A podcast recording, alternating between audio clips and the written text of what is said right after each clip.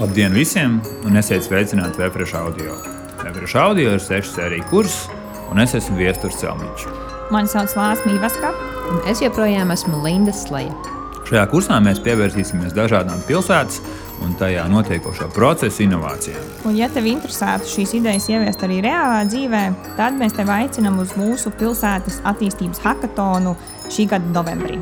Mēs priecāsimies sastapt tik vienu, kas vēlas radīt ko jēgpilnu sev un citiem. Ja ne jēgpilnu, tad vismaz izklaidējošu. Bet pagaidām patīkamu klausīšanos.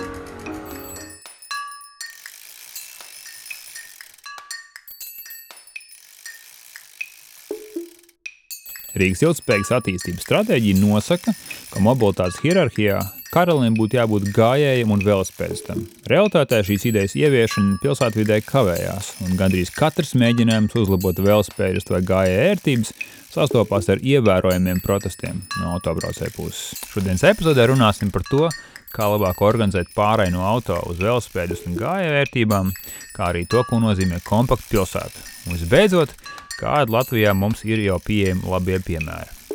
Kā pirmo viesi sarunai esam aicinājuši profesoru Karlosu Moreno, kas ir apbalvots pētnieks Sorbonas Parīzes Universitātē, bet plašāk zināms kā autors idejai par 15 minūšu pilsētu. Varbūt pašā sākumā es varu lūgt jūs pāris teikumos izstāstīt, kas tad īsti ir šī 15 minūšu pilsēta. Okay, thank you, thank you kind. Paldies par aicinājumu uz sarunu. 15 minūšu pilsēta ir ideja par jaunu pilsētas dizainu, kas nodrošinātu pamata pakalpojumu pieejamību, 15 minūšu gājienu vai velobraucienu attālumā no ikviena iedzīvotāja dzīvesvietas. 15 minūšu tūmā jābūt veselības aprūpas iespējām, veikaliem, izglītības iestādēm, atpūtas un pastaigu vietām.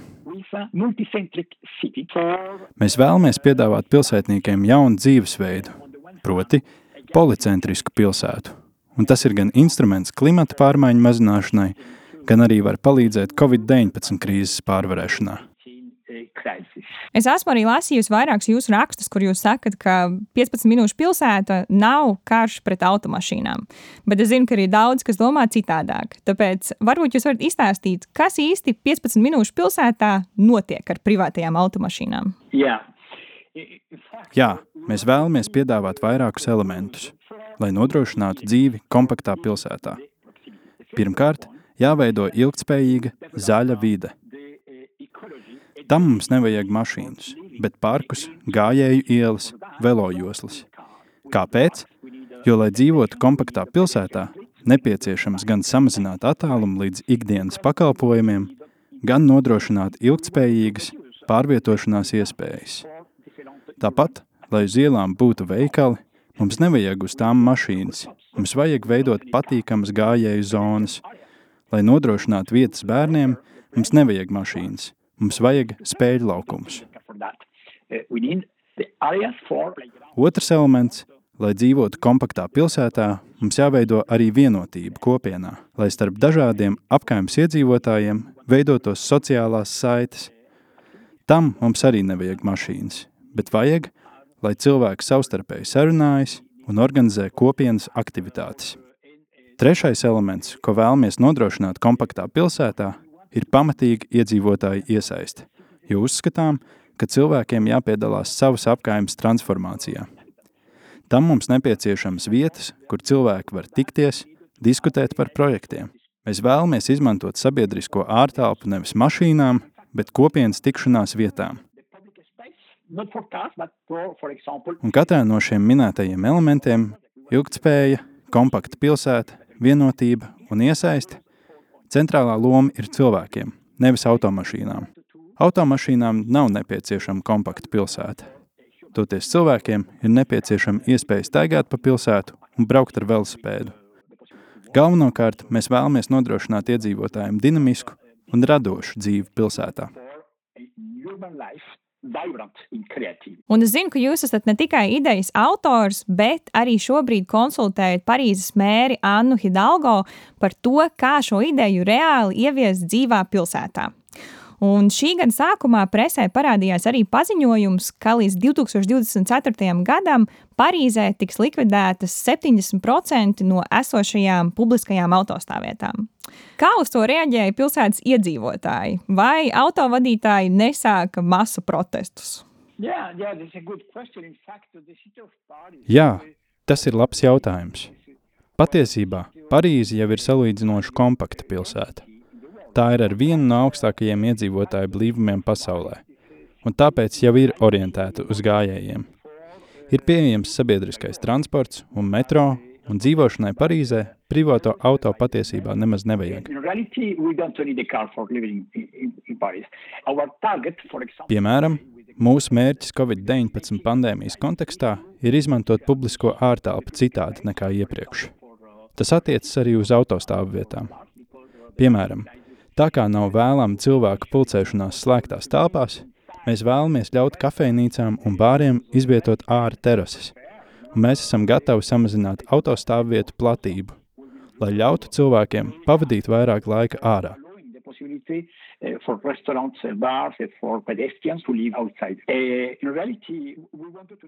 Mēs gribam mazināt arī intensīvo autosatiksmi, un tāpēc aktīvi veidojam jaunas velojoslas. Parīzes kopējais velojoslu garums pārsniedz 1000 km. Kā arī mums ir pašvaldības divriteņu koplietošanas schēma, kur var noīrēt gan parasto, gan elektrisko riteni. Tā ir ļoti populāra un veiksmīga. Un Parīzes iedzīvotāji atbalsta šīs izmaiņas un ir apmierināti ar uzņemto 15 minūšu pilsētas virzienu. Es domāju, ka velo infrastruktūras jomā Parīze ir ceļā, lai kļūtu par jauno Amsterdamu, un mēs ar to lepojamies. Jūs šovasar izdevāt arī e-grāmatu par Covid-19 un kompaktu pilsētu. Tāpēc es gribēju jautāt, vai šī globālā pandēmija ir viesusi kādas korekcijas 15 minūšu pilsētas idejā? Pandēmijas krīze ir pacēlusi daudz grūtus jautājumus. Parīze ir pilnībā nolēmusi cīnīties ar vīrusu, taču tajā pašā laikā mums jāturpina attīstīt arī pilsētas sociālās aktivitātes. Man nepatīk termins sociālā distancēšanās. Es tā vietā izmantoju fiziskā distancēšanās, jo pat, ja mums ir jāievēro divu metru distance, mēs vēlamies pēc iespējas turpināt kopienas un iedzīvotāju iesaistas aktivitātes, kamēr tas ir droši. Mums nepieciešama inovatīva pieeja pilsētas publiskajai ārtelpai. Koronas joslas, tā mēs viņas saucam, jeb pagaidu velo joslas, ir bijis viens no šādiem risinājumiem. Mēs gribam izvairīties no cilvēku pārsēšanās no sabiedriskā transporta uz individuālām mašīnām. Tāpēc ar velo joslu palīdzību mēs veicinām riteņbraukšanu. 15 minūšu pilsētas ietvaros vēlamies pārveidot arī esošo infrastruktūru. Piemēram, nodrošināt iespēju izmantot ēkas nevis vienam, bet vairākiem mērķiem. Skolas vakarā var kļūt par kopienas centriem. 15 minūšu pilsētas zelta likums, it īpaši pandēmijas kontekstā, ir katrs jau uzbūvētais kvadrātmetrs jāizmanto pēc iespējas vairāk pilsētas funkciju nodrošināšanai. This is the golden rule of the 15 minute city.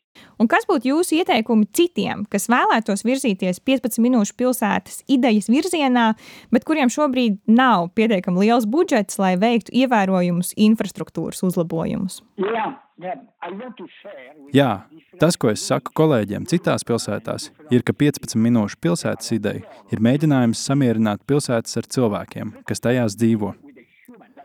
Patiesībā tie ir trīs elementi.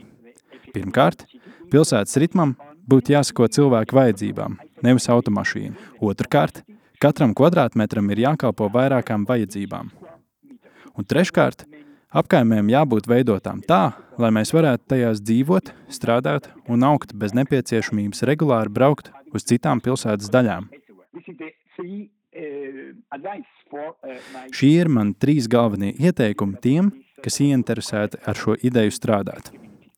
Mums ir jātaupa mūsu laiks, un mums tas ir jāatkaro atpakaļ. Šodien mēs zaudējam laiku ikdienas pārbraucienos un sastrēgumos. Mēs dzīvojam ātrā pilsētā, mēs dzīvojam anonīmā pilsētā, mēs dzīvojam stresa pilnā pilsētā. Ar 15 minūšu pilsētu mēs gribam mainīt pilsētas ritmu un piedāvāt iedzīvotājiem citu dzīves tempu.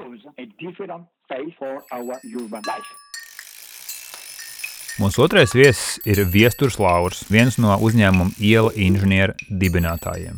Jā, es esmu no projektēšanas uzņēmuma iela inženieri, iela projektētājs, transporta infrastruktūras plānotājs. Uh, Un, būtībā jā, mans uzņēmums arī nodarbojas tieši ar dažādiem infrastruktūras projektiem vai arī plānošanas projektiem, kā atrisināt dažādas transporta saistītas problēmas, ar, ar satiksmi saistītas problēmas. Un, arī mēs ļoti cenšamies veidot cilvēkiem saprotamu un ļoti intuitīvu un, un vajadzīgu satiksmes infrastruktūru, ne tikai nodrošināt kaut kādas pamatvajadzības.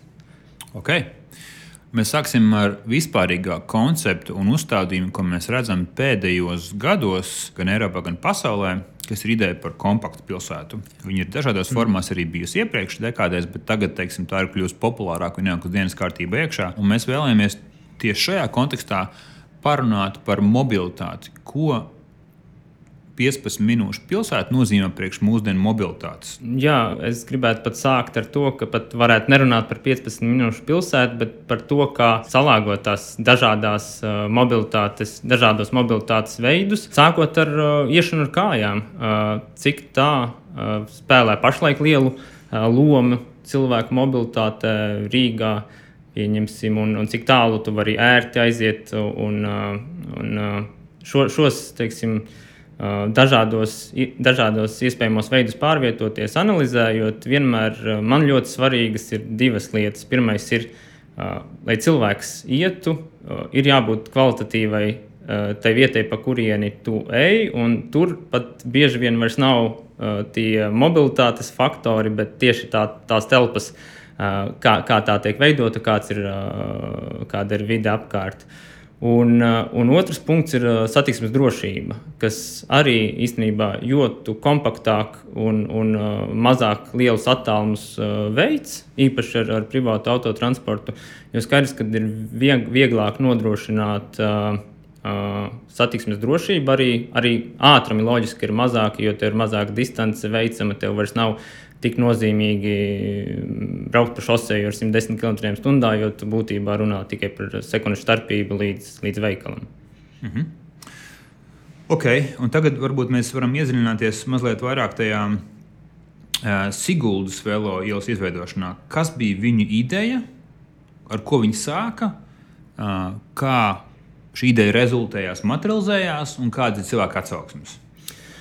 Uh, jā, tas, tas ir ļoti interesants uh, process, un, un ideja veidojās uh, tematiskā plāna uh, ceļā. Uh, Sigulda izvēlējās veidot tādu tematisko plānu, kur viņi uh, sasaistīja ar Siguldas identitāti kā tādu. Līdz ar to runa nebija tikai par transportu, bet runa bija par uh ēku izvietojumu, plānojumu, par, par kultūra vēstures vērtībām, par to, kā cilvēki redz pilsētu. Un, un tas sauklis ir pilsēta ģimenēm, lai tā būtu ērta, ērta iedzīvotājiem.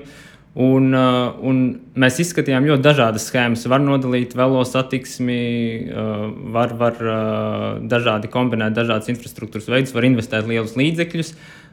Un šajā gadījumā, kā, kā tas piemērotākais šajā vietā, tika izvēlēts skatīties kaut kādu inovatīvāku uh, risinājumu un, uh, un uh, veidojām uh, pilsēlu kā veloielu.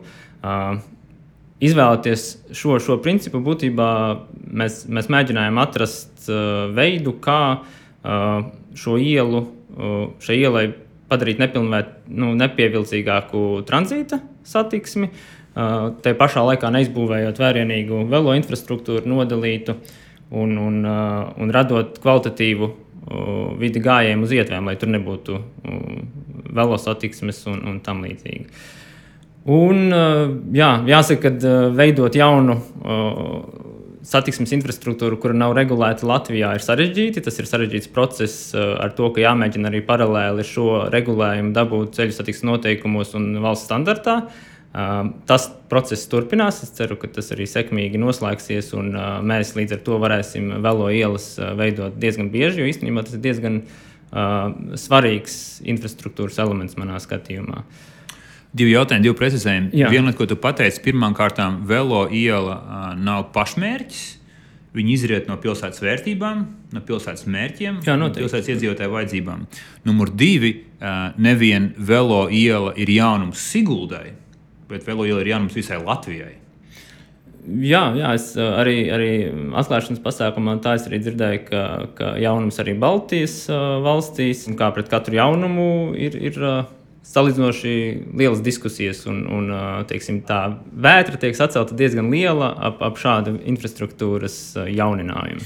Ļoti labi, jo tas droši vien no tās puses ir tāds ļoti diplomātisks veids. Internetā un Facebookā bija teikt, pietiekoši cilvēku vārdus netaupīja.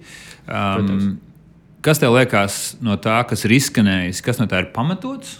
Ir lietas, kuras droši vien kritikā ir uh, absolūti vērā ņemamas, un kuras lietas ir vienkārši aizspriedumi. Pamatots ir tās lietas, ka cilvēkiem nav skaidrs. Uh, tu vari piedāvāt uh, jebkurā vietā kaut kādu jauninājumu, bet ir jācenšas pēc iespējas labāk uh, skaidrot, intensīvi skaidrot, kam tas ir, kā tas ir un īstenībā kā tas strādā. Tie nepamatotie viedokļi vairāk uh, rodas tiešām no neizpratnes. Nu, teiksim, nesapratnes, ka manā ceļā tagad ir parādījies kaut kas citāds. Vai arī, ka būtībā es ar savu mašīnu nevaru pilsētā izbraukt uz 50 km/h. Jā, un, tie, un tad te būtu droši vien jānošķir. Jo skaidrs, ka internetā ir dažādi cilvēki, dažādi viedokļi, bet tie neobligāti ir vietējais Siguldas iedzīvotāji, viņas viesi. Kāda ir cilvēka atsauksme, kas dzīvo Siguldā? tiešām bija ļoti daudz viedokļu, kas bija priecīgi par šo uh, infrastruktūru, kā arī par pašu dizainu. Un tai pašā laikā ir, ir ļoti sašutuši viedokļi, kas, kas uh, būtībā norāda uz to, ka iela ir sabojāta vai ka, kā var būt vispār velospēda simbols uz brauktuves. Uh, uzreiz mēs varam vaļā ceļu satiksmes noteikumus un mēģinam atrast punktus, kā tad īsti ir un kas tā pa velo infrastruktūra ir. Un, un, uh, manā skatījumā daļa patiesības tas, ka mums arī normatīvā bāze līdz galam nav sakārtot un pie tā arī ļoti intensīvi Tieši tā, jāstrādā. jo mums tas ir kaut kādā ziņā inovatīvs process, jūs darat kaut ko, kā patreiz vēl nav. Jā, tiesiskais Um, reglaments n- vēl Jā, nereglamentē. precīzi. Um, bet būtiski šajā gadījumā ir uh, pašvaldība, ir pasūtītājs. Vai pēc visas šīs vētras, taviem vārdiem runājot, viņi nožēlo, viņi ir bēdīgi, viņi gribētu atcelt to, ja viņi saka, mums visām lietām jānām ir jāpierod, cilvēki pieradīs, tas ir tā vērts, vai viņi nožēlo, vai viņi ir bijuši tomēr priecīgi par to procesu. Jā, nu tā pilnīgi precīzi nevar pateikt pašvaldības viedokli, bet citu institūciju pārstāvji arī vērtēja šo uh, kā pozitīvu lietu lielākoties, jo uh, mums ir jāvirzās uz priekšu. Mēs nevaram stagnēt ar, ar, uh, ar pilsētām, pilsētas centriem, kas ir uz 50 km/h, nenodalītu velosatiksmi. Vai atkal tur, kur viņa bieži vien ir situācija tāda, ka mums nevajag nodalīt velosatiksmi, un mēs viņu būvējam un nodalām un Ok. okay. vienkārši tērojam, tērējam resursus. Tas, tas, ir, tas ir ceļš uh, un solis nākotnē. Uh, otrs tās projekts ir uh, mobilitātes punkts, ko jau pieminēji. Uh, mēs VFA esam par to priecīgi. Mēs pie tā strādājam uh, vismaz, vismaz 8, uh, 12 mēnešus. Mēģinājām pārveidot viņu no tā teikt slēgta uz atvērtu principu, jā, ka viņi pati mācās no sevis. Bet priekš mūsu klausītājiem īsumā, kas ir mobilitātes punkts, priekš kam, priekš kam viņš ir vajadzīgs un kā viņi nākotnē attīstīsies. Uh, jā, mobilitātes punkts būtībā ir uh, satiksmes infrastruktūras uh, teikt, mezgls, vai punkts jau arī pietiekami skaidri pasaka, kur sastopas dažādi uh, transporta veidi. un Tu vari gan pārsēsties, gan, uh, gan uh, navigēt šajā stra- uh, satiksmes sistēmā, kā arī nāk klāt uh, kā identitāte pati ka par sevi, ka tu tāpat kā daudz kur citur redzēji metro zīmī, tu zini, kur ir metro. Tad mobilitātes punktam būtu tādam, ka tu ieeji, uh, pieņemsim, uh, kaut vai purciem uh, apdzīvoto uh, daudz dzīvokļu namu pagalmā, un tu ieraugi, ka šeit ir mobilitātes punkts, kur ir divi. E, Divi koplietošanas auto un desmit uh, elektriskas kreitiņu vai, elektrisk, uh, vai, vai koplietošanas velosipēdi. Kā mēs redzam, Next arī parādījies. Jā, būtisks vēl šeit komponents droši vien ir tas, ka arī mobilitātes punktā, ja nemaldos, ir arī uh, gājienu velospēdu uzskaita. Mēs pirmo reizi zinām, cik daudz cilvēki izmanto uh, velo, infrastruktūru, ejot ar kājām, braucot ar velospēdu.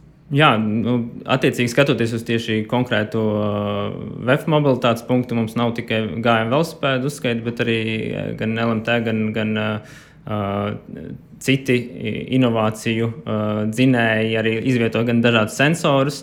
Un, un tā noteikti ir tā lieta, kas mobil, mobilitātes punktam nāk klāt, jo dati ir būtībā ļoti svarīgi komponenti, lai saprastu, pirmkārt, kur mums ir mobilitātes punkti jāveido, gan, gan arī būtībā kā, kā cilvēki pārvietojas pilsētā. Īstenībā liela diskusija ir par to, vai mobilitātes punkts kā jauns veidojums ir uh, Eh, pašvaldības atbildība, vai varbūt tas ir kopēja valsts sistēma?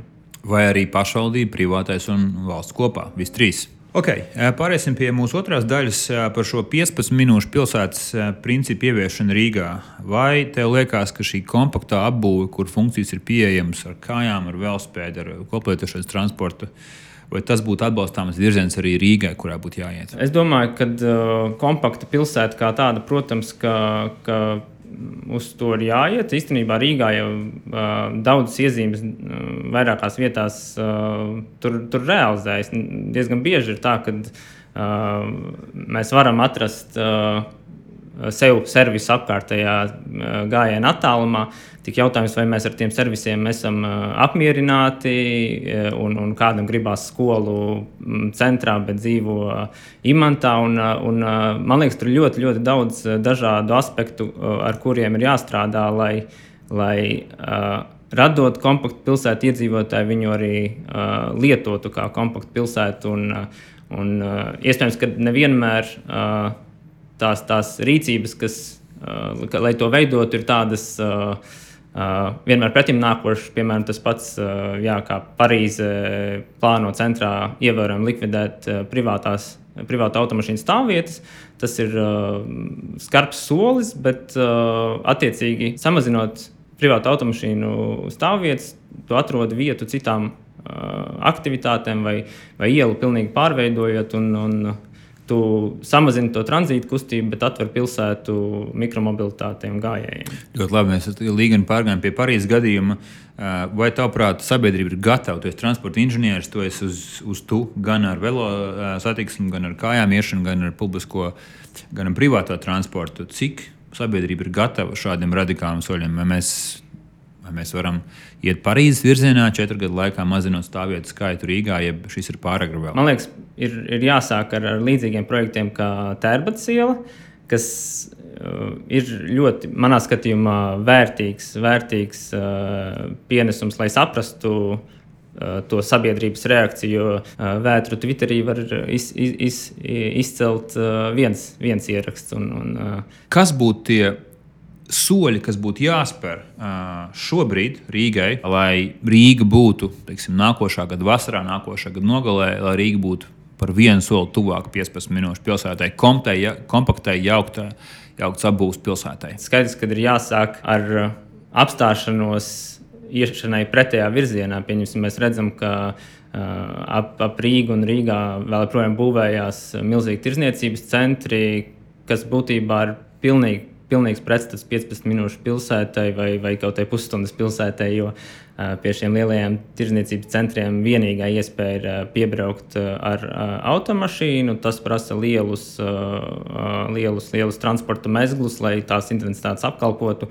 Un tādā veidā gan pilsētas līdzekļi tiek investēti arī nākotnē uzturēšanā. Uh, pilnīgi pretējās lietās, nekā mēs runājam par kompaktu pilsētu un, un uh, tās pašas gājēju infrastruktūras, velosatikas infrastruktūras sakārtošanai. Un, un to, to es domāju, ka var uh, virzīt uh, diezgan strauji, attiecīgi.